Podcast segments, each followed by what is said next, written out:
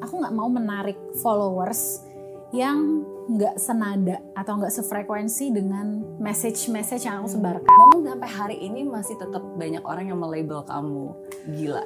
Sebagai manusia suka ngerasa kalau kita show our emotion atau kalau kita meminta tolong ke profesional, entah itu psikolog, entah itu psikiater, kita ngerasa itu sebuah kelemahan. Hmm. Sampai batas mana um, itu masih normal, dan Yeah. sampai batas mana sebenarnya we actually need help. Need help. Kegagalan bukan akhir dari segalanya, kesuksesan juga tidak selalu ada selamanya. Suka duka terus berganti, tapi yang paling penting keyakinan dan juga kemauan untuk terus melangkah itu yang harus dimiliki. Dan inilah Zero to Hero bersama Marsyanda. Hai. Finally,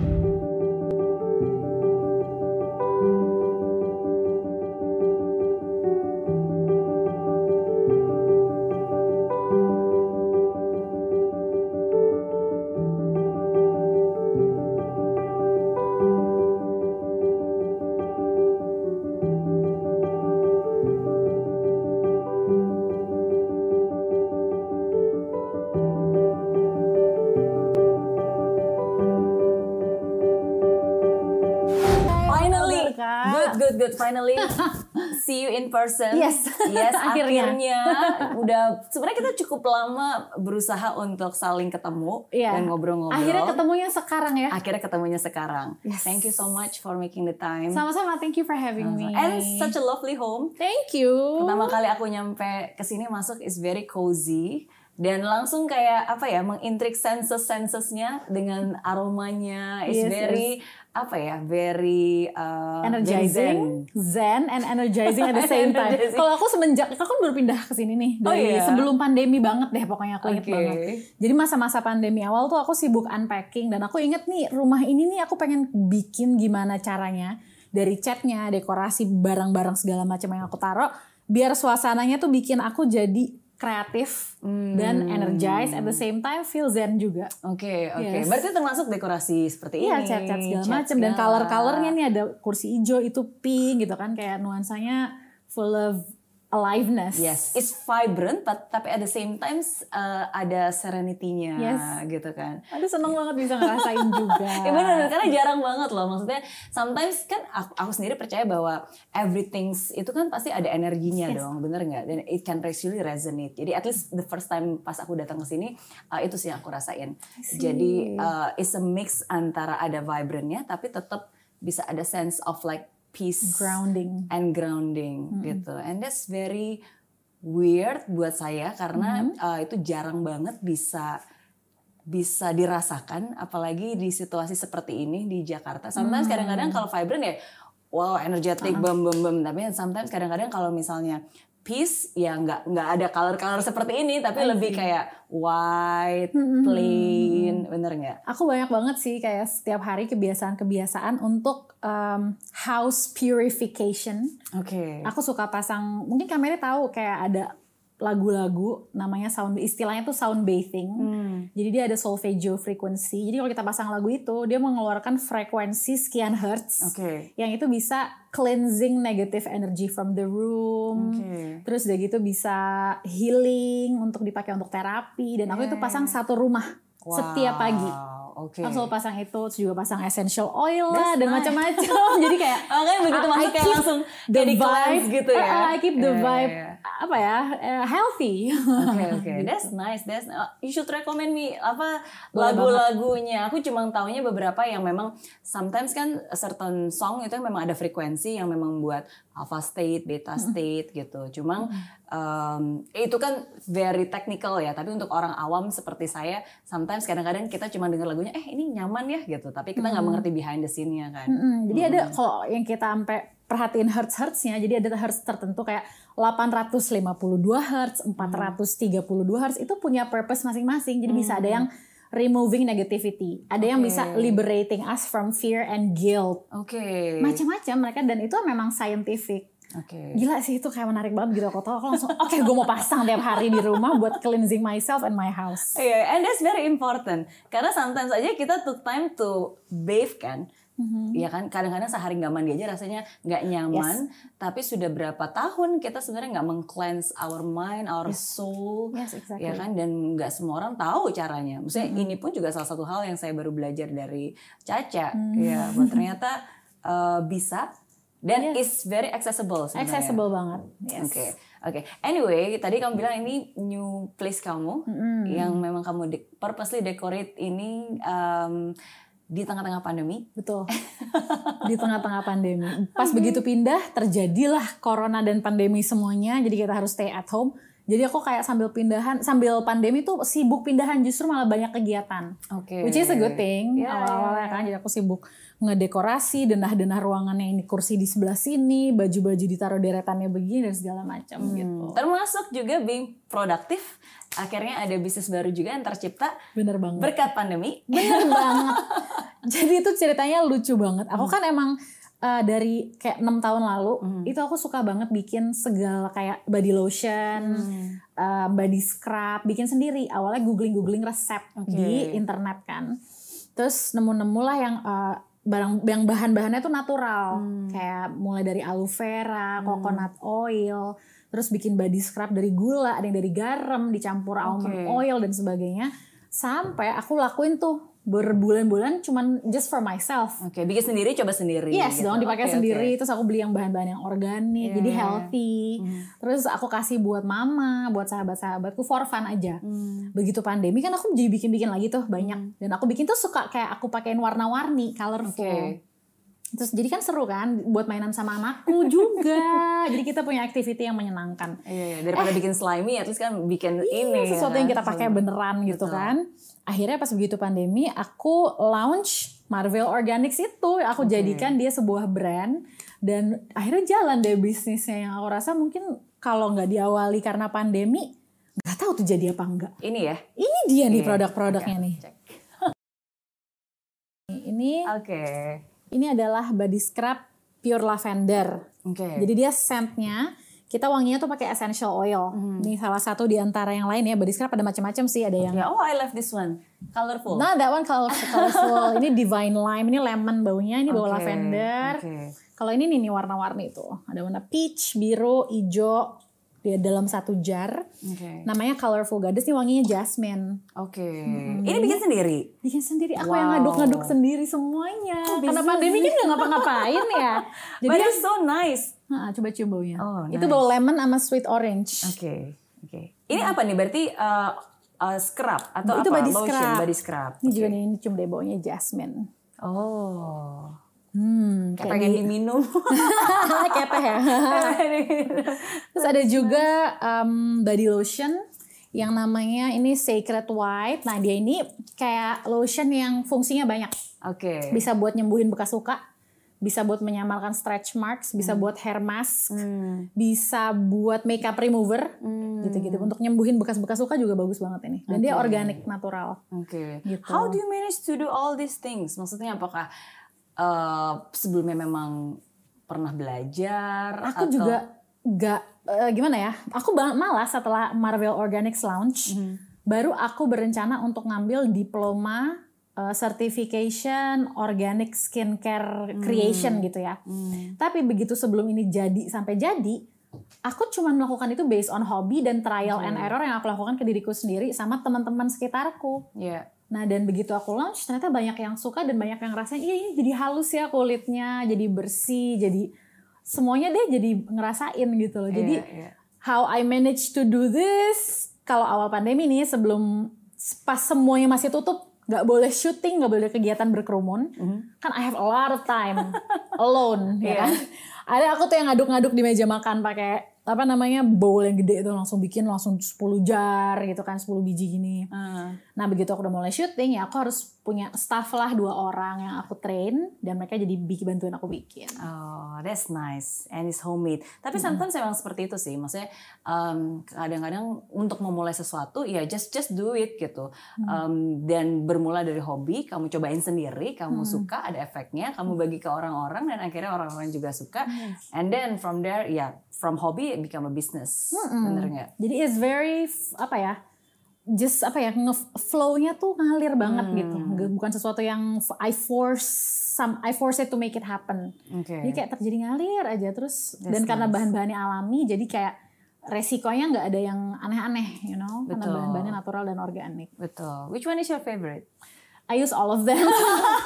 aku doyan banget pakai scrub di kamar mandiku. Jangan salah, kalau kita lagi bikin gini aku bilang safe ya buat aku, tapi bukan pakai jar ini. Aku pakai jar segede gini. iya. Jadi jar kayak langsung segrauk aku taruh dalam jar segede gini. Aku pakai Oke. bisa kayak tiga hari atau dua hari sekali. Oke, oke. Aku suka banget. Oke, that's nice, that's nice. Oke, ntar harus cek ada di Instagramnya ya. Ada Marvel Organics. Marvel Organics. Oke. Tapi kalau aku ngeliat dari Instagram kamu, eh, ada hal baru juga yang terjadi dan dilakukan dari pandemic. Uh, and I think this is very interesting. Yaitu you started this. Oke, let me see. Uh, Ascend by Me. Yes, Ascend by Me. Yes, Ascend by Me. And uh, aku baca nih keren banget. Um, um, you you are a trans- transformational influencer. Oke, dan di sini kamu menulis bahwa perjalanan gue dari di label gila sama masyarakat, dikutuk dan dianggap buruk sampai hari ini gue melihat begitu bermaknanya influence dan perubahan positif yang mampu gue ciptakan di hati dan kehidupan banyak orang. Oke, tapi dari semua ini ada uh, caption, yaitu captionnya kata gila Oh, dan influence. Oke. Oke. Um, memang sampai hari ini masih tetap banyak orang yang melabel kamu gila. bukan it- lebih kayak memori. It's like in people's memory gitu loh. Ketika masa itu terjadi, heboh-heboh itu terjadi udah padahal udah 10 tahun lebih lalu ya. Iya. Tapi itu kayak teringat aja gitu di pikiran orang gitu ya. Aku rasa kadang-kadang kalau aku di interview misalnya aku atau atau aku datang ke talk show tuh kadang-kadang pertanyaan yang muncul suka masih nyambung ke situ. Iya. Terus nanya kayak sebenarnya kenapa sih gitu. Jadi kayak em, aku ngebahas itu di situ dan aku look back aja gitu dari masa itu sampai sekarang transformasi yang terjadi seperti apa and I'm so grateful for that gitu ceritanya. Oke, but how do you feel kalau eh, maksudnya setiap em, kalau misalnya ada orang yang sampai hari ini mungkin masih menganggap iya nih Marshanda em, gila or Too mungkin em, outspoken. yes too outspoken or mungkin like mental illness. So aku eh, sambil berjalannya waktu makin ke sini aku makin eh, menganut pemikiran bahwa I don't wanna, aku nggak mau menarik followers yang nggak senada atau nggak sefrekuensi dengan message-message yang aku sebarkan. So kalau mereka nggak ready atau ngerasa apa yang aku sampaikan nggak cocok sama mereka atau nggak agree dengan pemikiranku, dan aku menghormati itu. Karena semua orang dalam tahap kehidupannya stage by stage pasti punya kebutuhan yang berbeda, Iya. punya prinsip hidup yang mungkin nggak cocok sama salah satu influencer yang dia nonton gitu di Instagram dan it's okay. Jadi kayak ya I wanna find my tribe. Aku mau ketemu orang-orang yang sehati dan sepikiran sama aku. Dan Oke. itu aim aku tuh itu. Aim aku bukan untuk mendapatkan puluhan juta followers atau ratusan juta orang untuk mengikuti aku. Tapi I wanna find people who are like minded as me Hmm. Dan em, dan kita saling uplift one another gitu. Betul, betul. Dan di saat-saat seperti ini, di tengah-tengah pandemik di mana banyak sekali hal yang terjadi, eh, seakan-akan kayak hidup orang tuh kayak wah naik turun, diombang-ambing semua per- apa rencana hancur berantakan. Actually like mental health is something that is very relevant.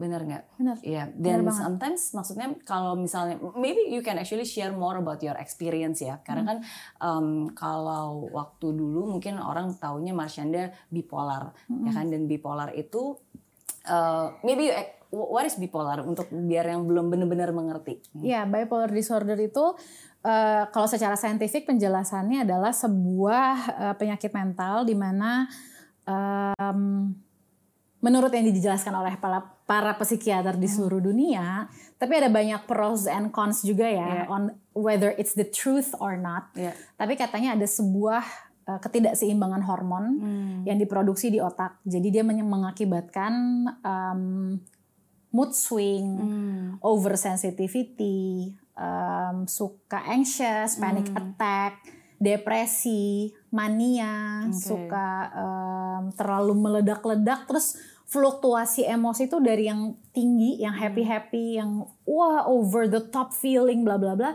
ke jatuh, ke drop itu sangat ekstrim. Begitu tinggi-tinggi banget, begitu drop-drop banget. Dan itu bisa bolak-balik. Oke. Dan ada variasinya gitu, durasinya tuh berapa lama berapa lama tiap orang berbeda-beda gitu ya yang bipolar. Eh, tapi semua itu terjadi kalau si orang bipolar ini nggak treatment apa-apa dengan psikiater. Hmm. Tapi kalau misalnya dia mengikuti terapi, dia memberi eh, mengikuti saran dokter, itu dia bisa semua yang tadi aku jelasin dia nggak alamin. Dia Oke. bisa jadi berfungsi sebagai manusia normal kayak aku tetap bisa kerja, bisa bersosialisasi, bisa tetap eh, berhubungan baik dengan keluarga, berfungsi lah sebagai seorang individu. Jadi Iya. sebenarnya itu sesuatu yang sangat bisa kita kontrol dan manageable Oke. gitu. Oke. Even though um, ada juga beberapa anggapan bahwa bipolar disorder itu salah satu illness yang nggak bisa sembuh seumur hidup. Oke. Tapi uh, it can really be managed. Oke. Oke. Gitu. Nah, tidak bisa dihilangkan tapi bisa dikendalikan. Yes. Betul ya. Actually emotion is like that kan. Maksudnya kita nggak akan bisa Iya sih. menghilangkan emotion. Sometimes Sebenarnya kalau dibaca-baca ya, kayak kita jadi di- ada um, ibaratnya anak kata lainnya tuh Bible-nya para psikiater di seluruh dunia. Namanya DSM, Diagnostic and Statistic Manual of Mental Health gitulah something like that. Di Amerika. Nah, semua si DSM ini tiap tahun tiap berapa tahun sekali keluar yang baru terupdate gitu ya. Dan semua gejala-gejala yang tertulis di buku itu tuh ada semua mental illness gejalanya apa aja. Oke.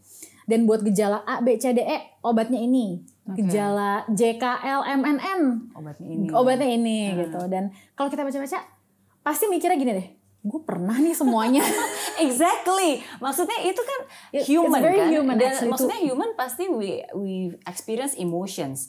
Um, tapi sampai batas mana itu normal dan sampai batas mana sebenarnya we need help. Nah, Because sometimes ha-ha. ketika kita uh, maksudnya berapi-api semangat when you say like um, manic Manik, manik mania. ya kan maniak gitu kan um, ya kita semangat kita happy euforia kita optimis gitu Iya. tapi at the same time kadang-kadang kita juga sedih kita juga depresi kita juga merasa bahwa wow I cannot do anything gitu kan dan seterusnya tapi sampai batas mana um, itu masih normal dan Ya. sampai batas mana sebenarnya we actually need help Need help. Mhm. Jadi tolak ukurnya adalah pertama ketika kita udah nggak bisa berhubungan sosial dengan sehat.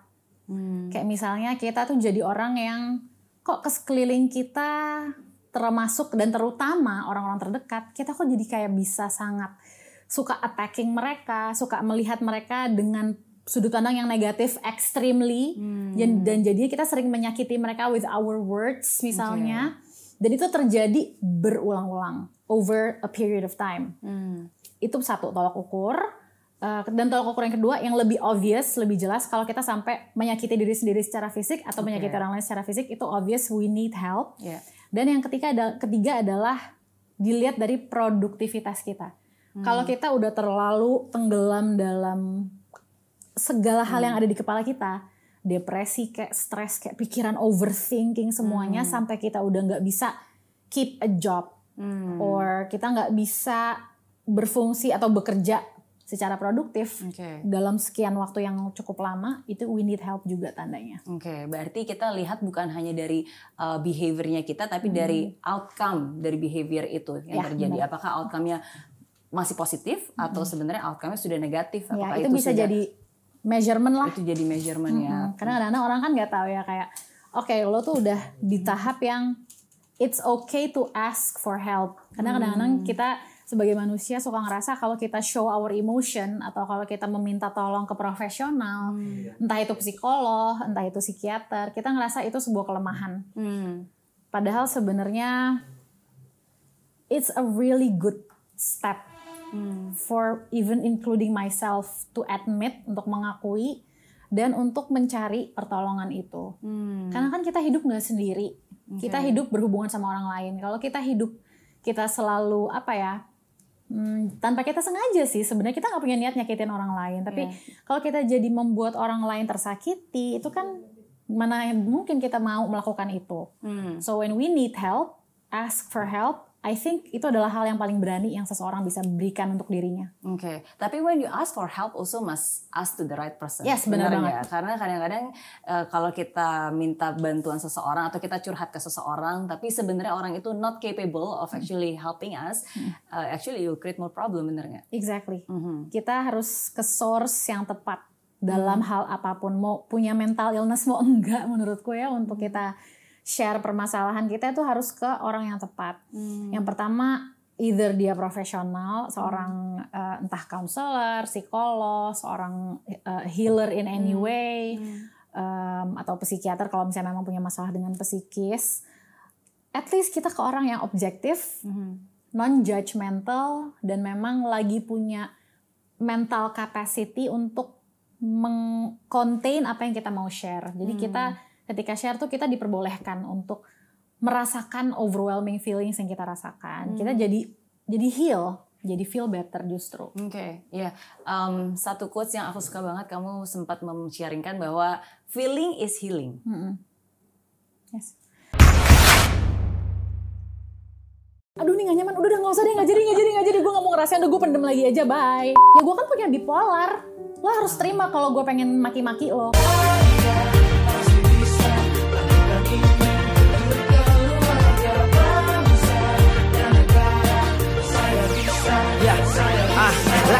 bumi tanpa hujan, hidup tanpa tujuan, kering dan mati tanpa hijaunya tumbuhan. Ah, demikian kalau mimpi tak kunjung terjadi.